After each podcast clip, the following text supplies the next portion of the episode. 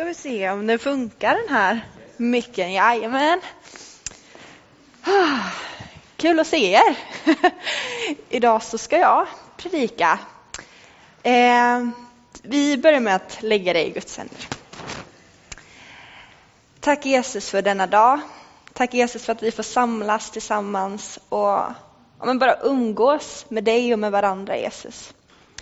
Jag bara ber att ja, men att du ska vara med mig när jag predikar, att jag får vara ett redskap av dig Jesus. Att du vill säga någonting idag. Det ber vi för. Amen. Eh, ja, det är lite synd för att barnen har sprungit ner, för jag tror att de skulle tycka om det som jag tänkte visa nu. Eh, men eh, jag tycker, eh, vi är väl alla som barn inombords, så jag tänker vi, vi kör ändå. Eh, och det kommer ge er lite ledtråd vad jag ska snacka om idag. Så vi kör igång den.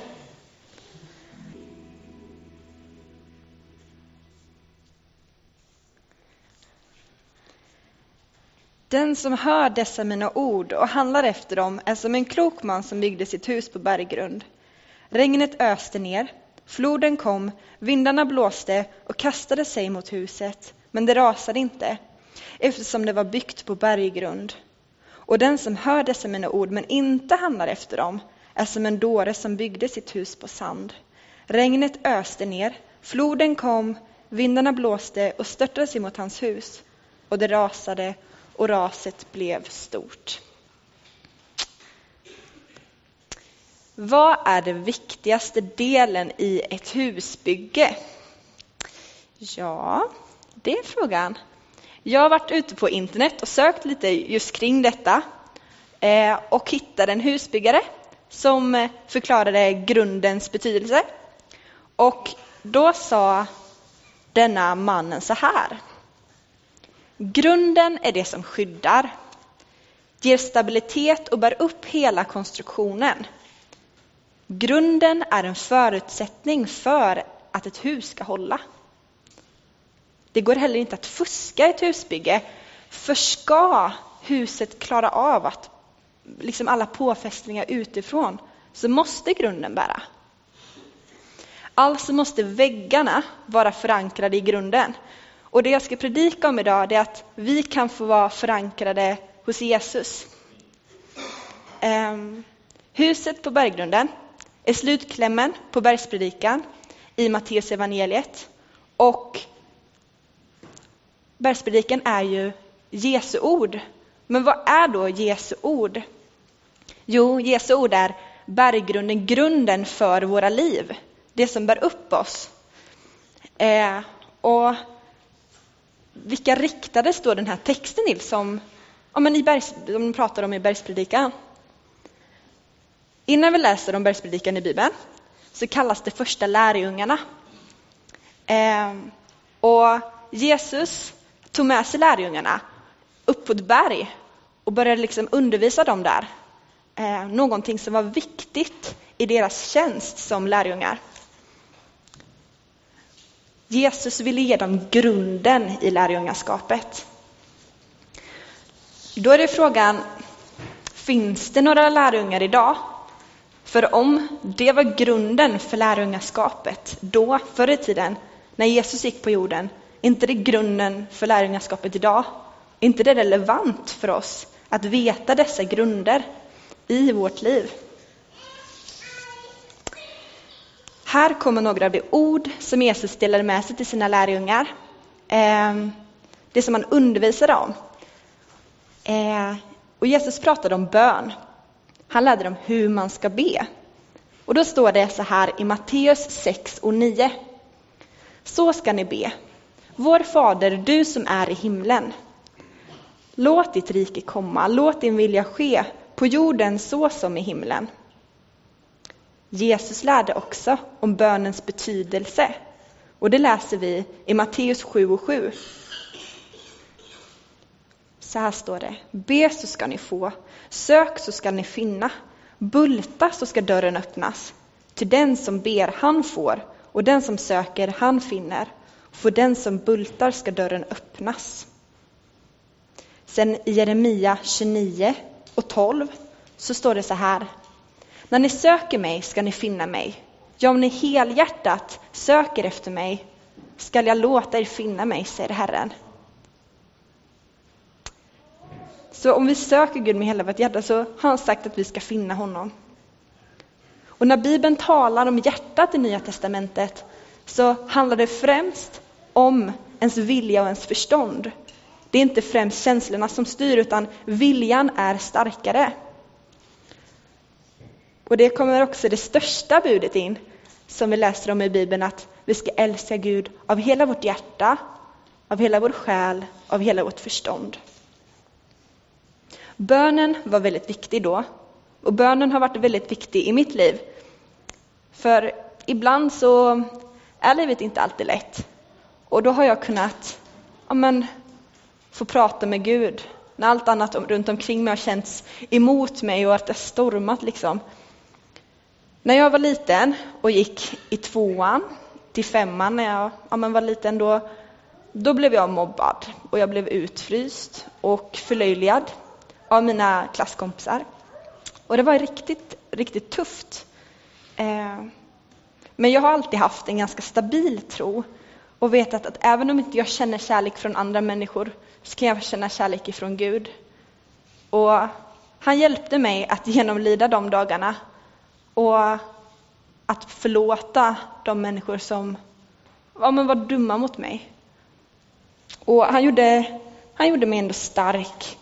Och ja, jag tror att inte jag hade varit samma person som jag är idag om inte Gud hade funnits i mitt liv och att jag kunnat prata med honom när jag hade behövt. Eh, I bergspredikan så tar Jesus upp det här med relationer, att vi inte bara ska ha en relation med Gud utan att vi ska ha en relation med andra människor. Att vi ska älska våra fiender. Och det hjälpte ju Gud mig med. I alla fall inte så att jag hatade dem. Han hjälpte mig, han gjorde mitt hjärta mjukt. Han lärde också lärjungarna att ha rätt fokus i livet. Rikta blicken uppåt. Samla inte skatter på jorden, saker som materiella ting eller kläder som bara försvinner efter ett tag, utan samla skatter i himlen. Det står lite längre fram i Bibeln att oroa er inte för de jordiska behoven. Oroa er inte för morgondagen. För om vi först söker Guds rike och hans rättfärdighet så ska vi få det andra också. Detta hjälpte lärjungarna att hålla sitt fokus. Och så här är det tror jag att ty där din skatt är, där kommer ditt hjärta att vara. Och skatten med Jesus ska vara hos pappa Gud i himlen.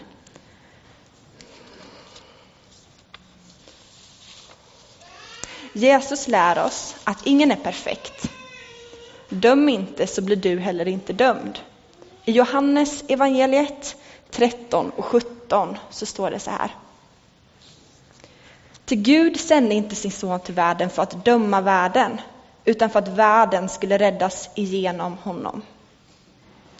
Vi har lätt att döma människor utan att vi egentligen vet hur det är. Men varför ska vi döma då Gud inte dömer? Nu tänkte jag gå tillbaka till den första grundtexten som jag predikar om idag, Bergspredikan, andra stycket där det står att och den som hör dessa mina ord men inte handlar efter dem är som en dåre som byggde sitt hus på sand.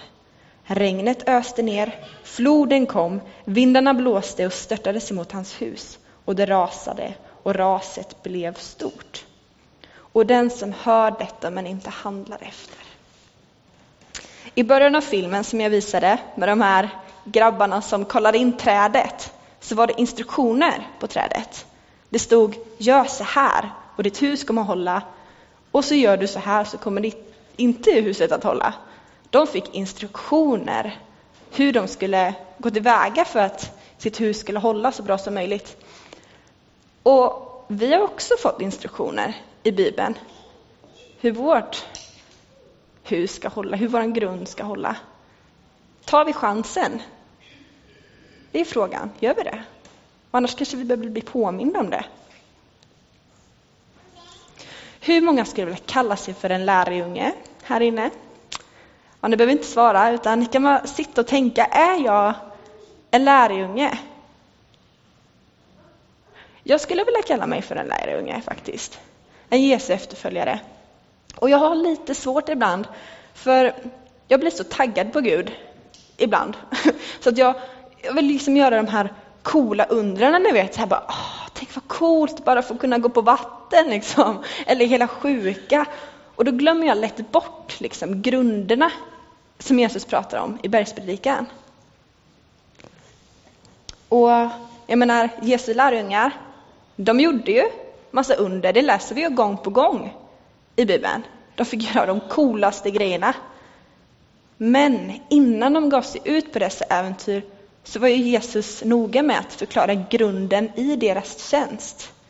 Det var ju grunden som bärde dem igenom även de coola äventyren och undren och allt annat. Husbyggaren sa, man kan inte fuska ett husbygge, för ska huset klara påfrestningar utifrån måste grunden bära. Jag tror att det är svårt, nu är inte jag en byggare, men jag tror att det är svårt att börja bygga ett tak på ett hus. Eller börja bygga fönstren liksom först, eller sätta in en trappa först. Jag tror inte det funkar så. Och jag tror att det är svårt att vara en Jesu efterföljare genom att börja göra under utan grunder. Jag tror att Jesus väljer att tala om grunderna i början för att ha en stor betydelse för liksom, att fortsätta växa i sin tjänst som lärjunge. Jag tror att det är viktigt. Och i livet så möter vi alla påfrestningar. Det kommer vi aldrig komma ifrån. Och vi kommer märka att ibland så kommer det skaka i vårt hus. Men det som är fantastiskt är att alla människor kan få uppleva att det är Jesus som bär oss genom dessa stormar. Och Jesus vet vad vi behöver som grund i våra liv och vad hans lärjungar behövde för att vara i tjänst för honom. Och det väljer han att berätta för oss. Och jag tror att det är relevant för oss att be till Gud med hela vårt hjärta. Att inte döma någon. Att älska våra fiender och ha blicken fäst mot Gud. Detta för att vi ska behålla fotfästet i våra liv och ha en grund att stå på i vår vardag tillsammans med Herren. Detta för att vi ska kunna få bli mer lika Jesus. Och det vill jag i alla fall, få bli mer lik den Jesus som jag tror på, den som jag vill leva efter. Och vi själva kan faktiskt inte bygga den här grunden. Tyvärr, det går inte. Utan den grunden kan bara tas emot av Jesus på grund av hans stora nåd. Genom att han dog på korset. Men våra liv kan få bli förankrade i Jesu ord. Våra liv kan få bli förankrade i Jesus. Det som jag väljer att kalla för min berggrund i mitt liv. Lovsångsteamet kan få komma upp. Och vi ber tillsammans. Tack Jesus för att du kan få vara grunden i våra liv. Tack för att när allting annat stormar runt omkring oss så kan vi få luta på dig, på din fasta klippa Jesus. Tack för att vi inte är ensamma utan att du alltid går bredvid oss Jesus. Och jag bara ber att vi ska få bygga på vår grund. Att vi ska få följa dina instruktioner Jesus. Tack för att du älskar oss. Amen.